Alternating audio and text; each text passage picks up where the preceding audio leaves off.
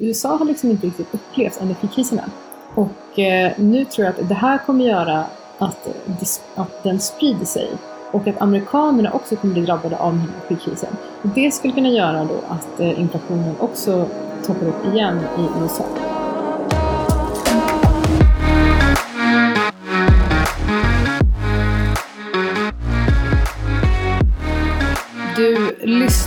På Antilop Podcast, första avsnittet eh, för året. Mm, ska vi se om vi lyckas vara lika positiva som jag var i nyårsavsnittet. ja, eh, du fick med väldigt mycket där i eh, din monolog. Jag tyckte det var ett bra avsnitt. Eh, men nu tänkte vi prata lite om hur djup blir lågkonjunkturen? När påverkar den börsen? Rapportperioden i januari? lager i detaljhandeln versus sparkvot, CPI-bana och räntebana 2023, vd-sentiment, vd-sentiment Feds beslutsräd, oljelager och oljepris. Oj, oj, oj, och, det låter som att det här kan nog bli ungefär samma tema som mitt avslutsavsnitt. är inte det här vad vi alltid pratar om? Uh, jo, men på ett sätt så är det väl det. Vi, vi pratar ju om eh, börs och finansmarknader och då blir det väl samma sak i antilop jämt, fast liksom same same but different. same same but different. Eh, jag har faktiskt en sak som jag skulle vilja prata om eh, när det kommer till CPI. Mm. För, um, vi börjar där. Ja, men vi kan börja där, för vi behöver börja år 1913 faktiskt. Fed, Feds grundande. Jajamän, och det var lite kul för uh, min fästman frågade mig för några dagar sedan, när tror du att uh, när tror du att IPO-marknaden kommer normaliseras igen och eh, bolag kommer noteras igen? Och då sa jag vi måste faktiskt gå tillbaka till 1913. Och han åh herregud, sluta. Men det finns lite poäng med det här. För att vi jämför ju den här inflations, det här inflationseventet som vi har just nu med 70-talet oftast. Eh, men jag tänkte att även om eh, historien eh, gärna rimmar så liksom upprepar den inte sig själv helt. Så jag tänkte, låt oss gå tillbaka och titta på alla tidigare inflationsevent och se liksom vad, vad kan vi lära oss från alla dem och eh, vilken av de här tidigare liksom påminner kanske mest om idag. Både liksom konsekvens och eh, orsak. Och det är därför då som vi behöver gå tillbaka till 1913, eller egentligen 1914 när eh, första världskriget började. För det som hände då var att eh, i början på första världskriget så eh, exporterade USA jättemycket mat, jättemycket varor.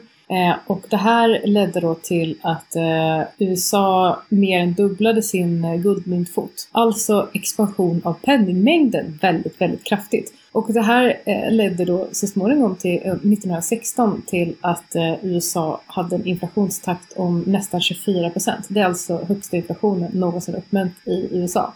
Och det berodde inte på att Fed visste liksom inte hur man... Fed var ju för övrigt liksom helt nyfödda. De var ju knappt finniga tonåringar liksom. Så att de visste liksom inte hur, hur ska vi hantera det här inflödet av, av penningmängden? vilket guldet då var eftersom att USA hade en guldmyntfot.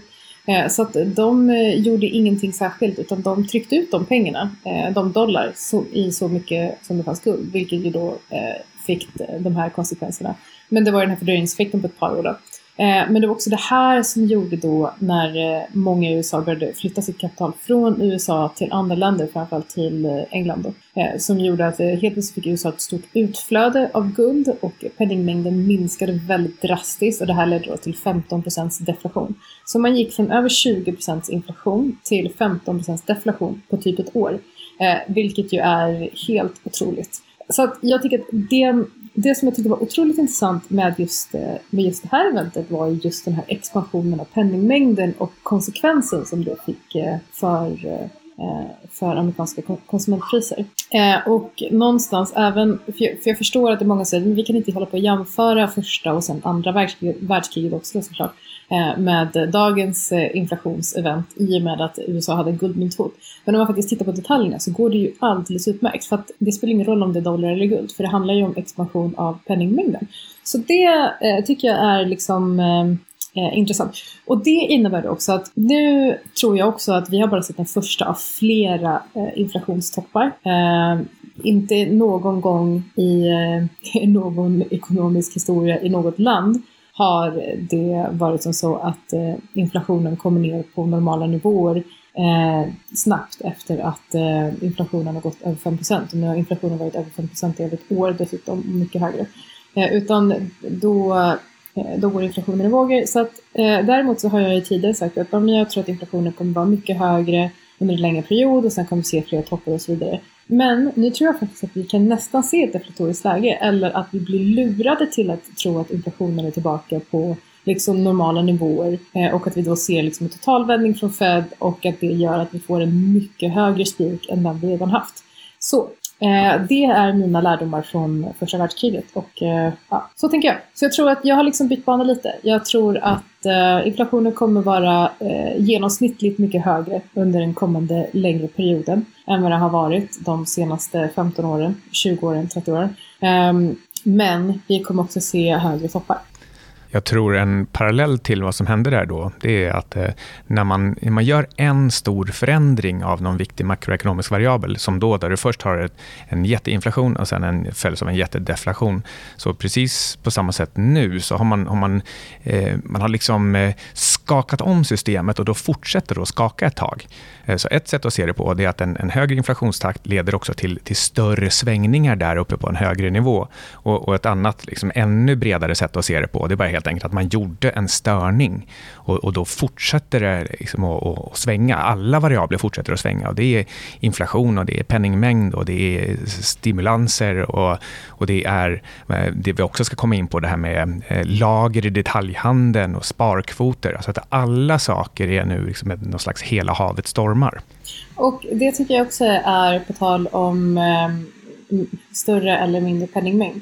För en sak som jag tittat ganska mycket på är, för jag har väldigt mycket korrelation eh, och det innebär att jag tittar ganska mycket på korrelation mellan olika tillgångar. Eh, och eh, eh det som är, och jag har pratat om det här förut, att efter 2008 när USA släppte den här sudopeggen till oljepriset Eh, så steg korrelationen mellan eh, olja och S&P till mycket, mycket högre än liksom det historiska mönstret.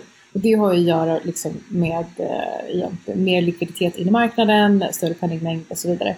Och lite samma typ av förhållande har du kunnat se efter, efter den här superstimulanserna efter covid. Eh, för då helt plötsligt så jordbruksråvaror som historiskt sett haft väldigt låg korrelation, i princip noll, till aktier har gått upp till typ 0,75 eller nästan 1. Eh, och eh, samma sak med liksom flera andra tillgångar som normalt sett har väldigt låg korrelation till aktier, har gått upp till nästan 1. Och det som det beror på är att helt plötsligt finns det liksom massa extra likviditet och den här likviditeten måste någonstans. Och då spelar det ingen roll vad man köper så länge man köper någonting. Och det leder till att allting simultant går uppåt och då ser det ut som att korrelationen är mycket högre än vad den kanske historiskt har varit. Eh, och på samma sätt så tror jag att eh, det här kommer förändras nu i takt med att även om QT kanske inte går supersnabbt Eh, så de här stigande räntorna och eh, ja, har sett lite, lite QT i alla fall, har i alla fall gjort att, eh, eh, att likviditeten på marknaden blir mindre och mindre. Och det börjar faktiskt också synas i de här korrelationsegenskaperna med alla de här olika tillgångarna. Helt plötsligt så går inte allting simultant åt ett håll. Vi har liksom inte totala sell-offs eller super risk-on events i, i alla tillgångar samtidigt. Utan nu helt plötsligt tror jag att eran för att köpa liksom enskilda tillgångsklasser eller enskilda bolag i vissa fall till och med. Den är över. Nu måste investerare börja, börja diversifiera sig och det ser vi faktiskt då i, eh, om man tittar på till exempel råvaror eh, och guld och så vidare det finns någon slags naturlig fördelning där ute i världen mellan hur, hur mycket kontanter man vill ha, hur mycket vete man vill ha, hur mycket aktier och, obligationer. Alltså en, eh, om man tänker sig ett helt stabilt system där ingenting rör sig särskilt fort, då vill man ha liksom sina 3% cash och 70% aktier och så vidare. Eh, och om, du, om du har en, en eh, förutsägbar, långsamt liksom, utvecklande trend, så som vi såg under tio år med penningtryckande och börsen gick upp och allting, eh, då, då fortsätter man och det är ganska enkelt att behålla de här vikterna hyggligt konstanta och det betyder också att man, man vänjer sig vid och vet att men bara fortsätt köpa aktier eh, eh, så kommer du hålla också kontantandelen i samhället. Du kommer hålla den stabil i takt med att det trycks pengar. Men sen när man stoppar upp den här trenden och plötsligt gör massa förändringar, då är vi tillbaka till det här med hela, hela havet stormar igen. Var ska du stoppa upp den trenden någonstans? någonstans där det inte lyser. Men, men när, man har, när man ändrar någonting, till exempel går från QE till QT, eller bara trycker liksom mindre pengar, då, då har du plötsligt eh, skapat en, en osäkerhet i liksom, var är vi på väg egentligen? Hur ska jag hålla mina, mina olika vikter eh, konstanta? Och, det, och det, då blir det här att man, man kastar sig lite fram och tillbaka och vet inte riktigt, ska, ska jag köpa guld eller inte? Det är därför vi plötsligt ser guld, först i nästan 1600 och sen nu upp i 1850. Ehm, det, ehm, det blir mycket svårare att hitta stabila trender att förhålla sig till. Så, eh, och, jag tror att eh, när vi väl har kommit in i en sån här fas, då, då stannar man i den ja, men ändå ganska länge. Så det vi, det får, vi får förvänta oss, det är kanske inte den här liksom totala bäsen som det verkar som att jag pratade om i, i förra avsnittet, utan mer att eh, det, det kommer vara stora och snabba svängningar i alla tillgångsklasser. Absolut. Och på tal om guldet då. Det bottnade ju där precis i början på november och har sedan dess i december var guldet upp 12 procent. I år har guldet eh, redan gått upp liksom några procent. Eh, vi, så här, jag, förra året och även eh, kanske året innan så var, fick vi ju höra att eh, guldet inte alls gör sitt jobb som inflationshedge för eh, den här månaden är inflation så här hög, guldpriset full och så vidare. För det är ju exakt så man mäter inflationshedgar tydligen. Eh, någonstans det som har hänt under de här 15 åren av eh, liksom, hysteri på marknader är att folk har glömt av att man måste vara långsiktig också, vilket jag tycker är lite intressant. Jag hade en diskussion eh, en gång för, eh, det här var nog faktiskt eh, i slutet på 2020, ja det var slut på 2020. Då jag fick den där, jag förstår inte poängen med att äga en hedgefond som ska eh, ha en avkastning på 10-20% årligen när man bara kan hitta ett bra techbolag som ger 200% per år. Hur eh, gick det med den portföljen? Eh, den var inte så bra. Nu, för, nu förstår man poängen. Eh, och eh, jag tror att det här var också liksom samma fanboys and fangirls till Cathy Wood. Eh, när jag tyckte det var helt klockrent. Men vänta lite nu. Det här är någon med jättemycket IM som köper skitsmå bolag och köper upp 10-15% och sen kallar sig transparent för att man lägger ut sina tradinglistor. De här transaktionerna har jag gjort idag och så gör alla fanboys och fangirls samma sak och så handlas de här kurserna upp och så pumpas det här upp till ett jätteluftslott som nu har liksom pyst ut rätt ordentligt. Jag menar, jag tyckte att det var inte så konstigt att det skulle ske liksom. Um, precis, så att uh, nej men uh, eran av diversifiering är, är tillbaka. Men nu till, tillbaka till kanske till uh, det vi började med, med lager i detaljhandeln och, och lite andra konjunkturindikatorer. Precis. Och då är det så att ehm, ja, eh, det kan ju se ut på ytan som att amerikansk arbetsmarknad mår ganska bra och att konsumenterna är ganska duktiga på att spendera. Sen visst, det är lite svaghet i PMI-siffror och såna här sentimentsindikatorer, men, men, men annars så, det, e, ekonomin ser rätt stark ut. Men å andra sidan så har vi till exempel en sån här signal som att eh, retail inventories, de har dragit upp mm, liksom enormt mycket. Och det har de lyckats göra, eller, eh, och det gör de eh, samtidigt som sparkvoterna har kollapsat. Det här betyder att eh, konsumenterna har, de har lyckats upprätthålla sin konsumtion på bekostnad av sina sparkonton. Och det här blir då helt ohållbart. Och, och ska du tillbaka till en normal sparkvot och därmed minskad konsumtion samtidigt som lagren är så här stora, ja, då tvingas man till, till stora reor och lägre marginaler och uppsägningar för att behålla någon typ av lönsamhet, vilket innebär att man kan verkligen, alltså amerikansk ekonomi kan springa rätt in i en vägg här någonstans, i, ja, men låt oss säga kanske eh, inom ett halvår. Jag, ehm. jag, håller verkligen med dig där. Jag vill bara säga det också. Att, eh, det finns det är en otrolig fördröjningseffekt med vilka konsekvenser som syns när och hur i, eh, i ekonomin. Eh, och det, så har det varit. Jag menar, det tog ju tio år av liksom kraftiga stimulanser eh, och sen ytterligare ett par år av där man expanderade penningmängden typ tre gånger innan vi såg liksom att inflationen fick fäste. Och, och på samma sätt så sker det, det, det går lite snabbare på nedsidan får man väl ändå säga. Eh, men, eh, men, men det är det som är så himla svårt. För det är lätt, det, det är inte så himla svårt att se att okej okay, men vänta lite nu, vi är på väg in i en avgrund. Men innan vi når den här avgrunden så kommer det vara någon som försöker sparka den här burken lite, lite framför sig. Så här, not under my mandate period, typ. Eh, och, eh, men när det väl är för sent, ja, men då eh, går det snabbt neråt. Och jag tror också, precis som du säger, att det kommer, det kommer vara liksom riktigt, riktigt stökigt. Eh, det var väl Johan Elmqvist som tweetade den här eh, eh grafen med eh, vds förväntningar. Mm. Den har, den här då alltså fallit till en all time low på 29, ganska fort från en all time high på någonstans 84 ungefär. Och jag läste också i Omni Ekonomi i morse att eh, ja, men det, det, kanske, det kanske var en referens till, till samma vd-förväntning. Eh, jag vet faktiskt inte riktigt, men, men där i alla fall intervjuer med företagsledare säger att eh, de, de, är verkligen tagna på sängen över den här kovändningen från all time high i förväntningar till all time low. Det kan tyckas lite förvånande. De har inte lyssnat på Antilop i alla fall, det, det kan man ju lugnt säga. Ehm, men, men, eh, och det här är tydligen inte en contrarian indikator, utan det är en väldigt bra indikator för kommande lågkonjunkturer. Så, så jag tycker att mer och mer saker pekar väldigt tydligt på att ja, det är klart att det blir en, en, en recession, eh, både i Europa, i Sverige och i USA, åtminstone under andra halvåret 2023. Eh, och med ändå ganska liksom, god risk för att det fortsätter i 2024. Eh, frågan är då, är det här inprisat eller inte? Vad tror oh, nej, ingen... fröken Svan? eh, fröken Svan tror att ingenting någonsin är inprisat, det har jag sagt.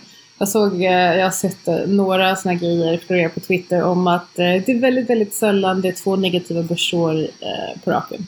Och att tidigare när det har skett så har det varit typ under IT-bubblan och finanskrisen. Så det borde betyda att vi inte ska ha två negativa år på raken igen.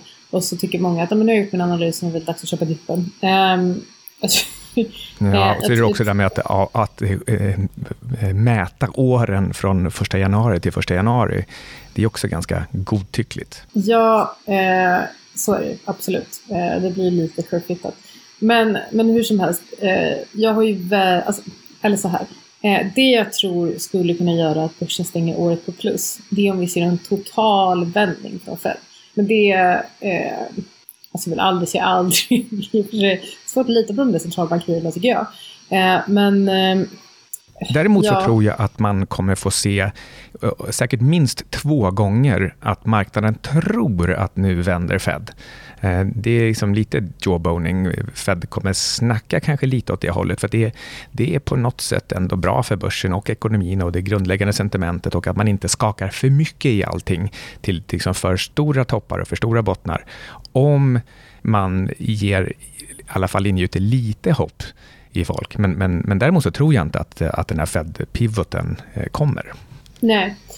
Eh, nej, det tror inte jag heller. Inte, man ska komma ihåg också att eh, det skulle innebära att Fed behöver sänka räntan kraftigt. Och Powell har varit ganska tydlig i sin kommunikation, tycker jag i alla fall, med att han säger att eh, alltså vår största prioritet är att se till så att inflationen kommer ner hålls där nere. Han vill inte göra samma misstag, jag vet inte hur många gånger jag ska behöva säga det, men han vill inte göra samma misstag som Folke gjorde under 70-talet som när recessionen kom sänkte räntan och eh, sen så fick vi liksom ytterligare en våg av, eh, av inflation eh, så fort eh, recessionen var över. Jag tror att eh, Powell kommer göra vad, vad som krävs, whatever it takes, för att se till så att vi inte hamnar där.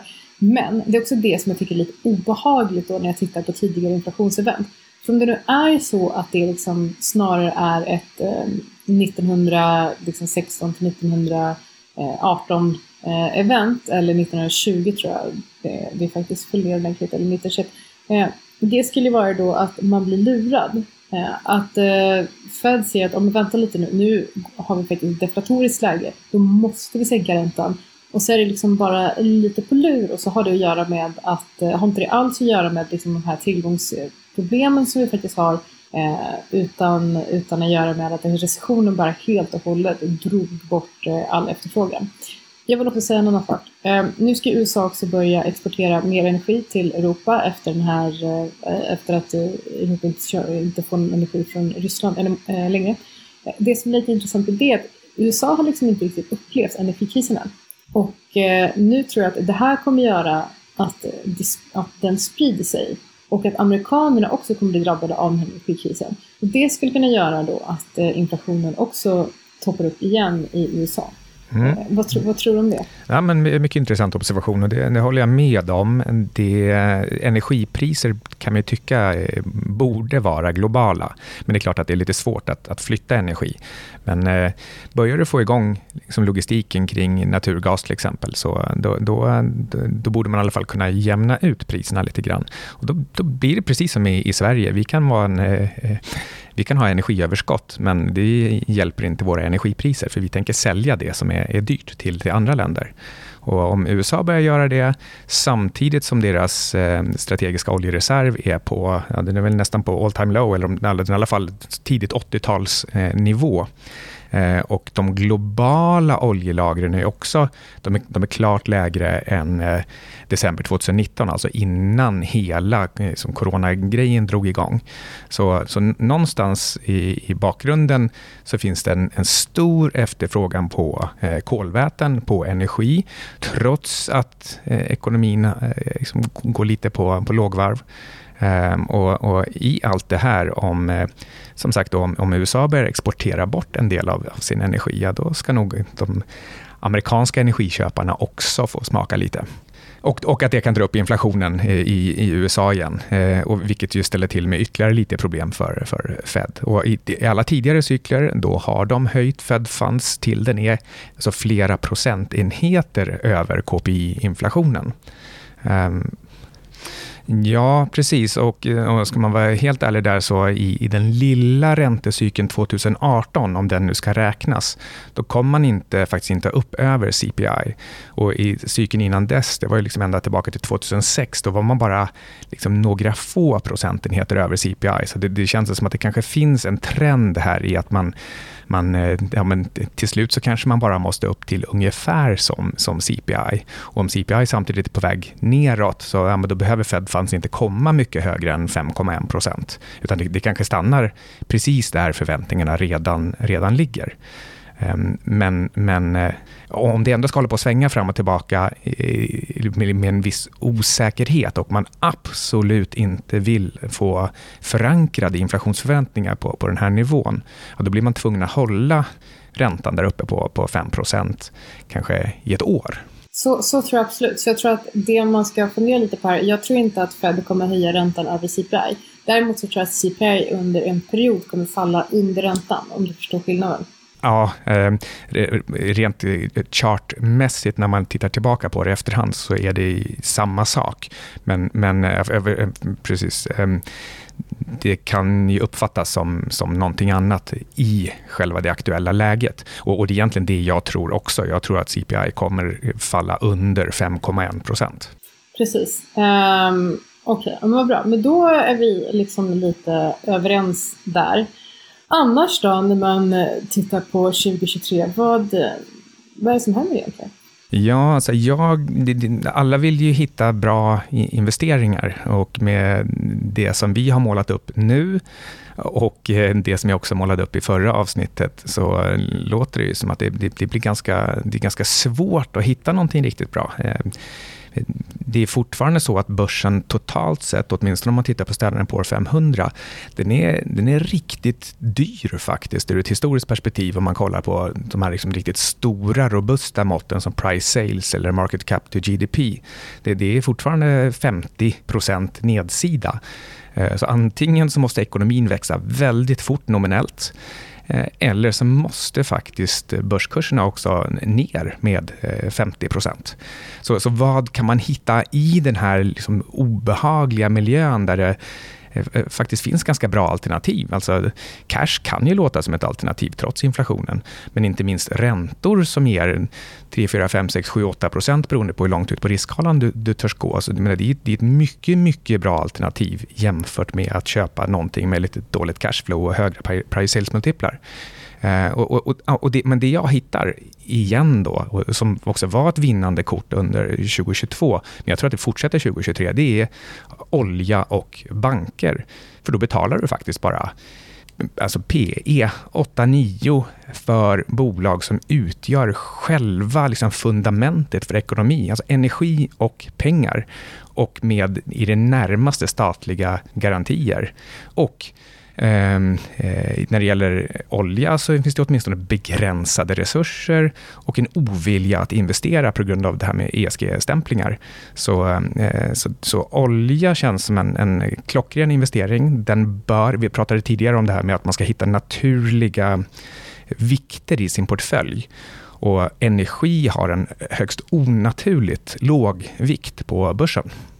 Jag, jag håller med. Eh, mitt eh, favoritcase de kommande tio åren är ju absolut eh, uran och kärnkraft. Och där är ju egentligen Cameco ett... Om, om du inte vill lägga det fysiska uranet, vilket du kan göra via Sprott i ETFer, det är väldigt bra. Så fort, de, så fort ETFer kommer upp på en premie så använder de Eh, det kapitalet för att köpa mer uran. Det är jättebra. Eh, men Cameco äger, har, är enda alternativ. För det första är Cameco ett av de absolut största bolagen Eh, om inte det är absolut största uran, eh, uransproducenten.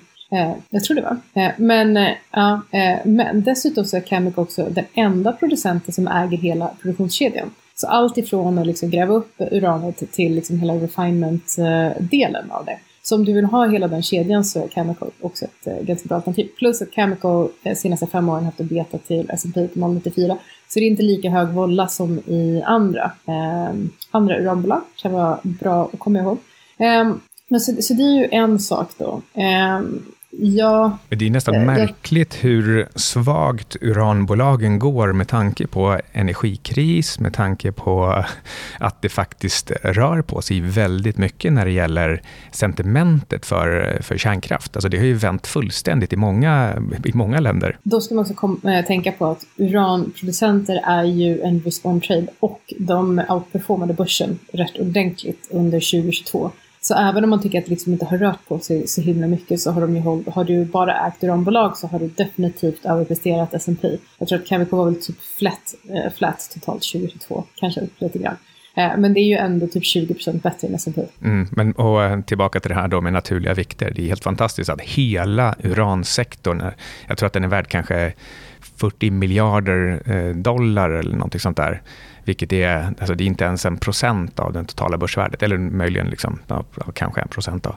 Eh, så, och med tanke på hur viktigt det är med energi och att det här är en av, ja, men kanske den, den enda riktigt rena energiformen eh, som är pålitlig så, så är den, den börsvikten är, är fullständigt oförståelig. Ja, och eh, sentimentet kring kärnkraft har också förändrats otroligt mycket. Vi ser att en, en majoritet i Japan är för kärnkraft. Och det är ändå ganska häftigt med tanke på Fukushima. Ja, alltså för 11 år sedan så bestämde de sig för att sluta med kärnkraft. Ja, och eh, det har man nu ändrat på. Så de har börjat starta upp en hel del eh, kärnkraftverk där igen. Eh, men, Tydligen så, så har ja. ju Tyskland stängde inte ner sina tre här vid årsskiftet, som ju var bestämt och eh, eh liksom, nästan, liksom här, nästan för, för nedstängt. Att det fanns absolut inget sätt att ändra det där på, men de, eh, de tickar och går. Det var väl ändå väl. Men, men sammanfattningsvis då. Eh, med recession runt hörnet, multiplarna kommer absolut behöva komma ner i skuggan av den här recessionen. Eh, det våras för energi, det är dags att diversifiera din portfölj. Ehm, det kan vara bra att titta på tillgången som gillar 10-20% årligen för det blir svårt att hitta techbolag som ska avkasta 200% per år eh, som är noterade på börsen. Och för du var en riktigt duktig stockpicker. Och, och, en liten, liten kul grej här bara, att eh, ett av eh, de bättre innehaven eh, för, för oss, det var ju faktiskt Danske Bank. Och där var så sentimentet så hårt nedtryckt att när beskedet kom om att de fick 20 miljarder i, i böter för penningtvätt, sen, sen, sen dess är kursen upp 30 procent. För att man var ju så orolig för att det skulle kunna vara mycket, mycket mer.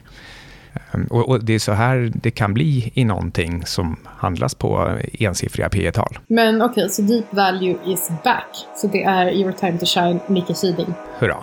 Hurra. Men ska vi avsluta där kanske?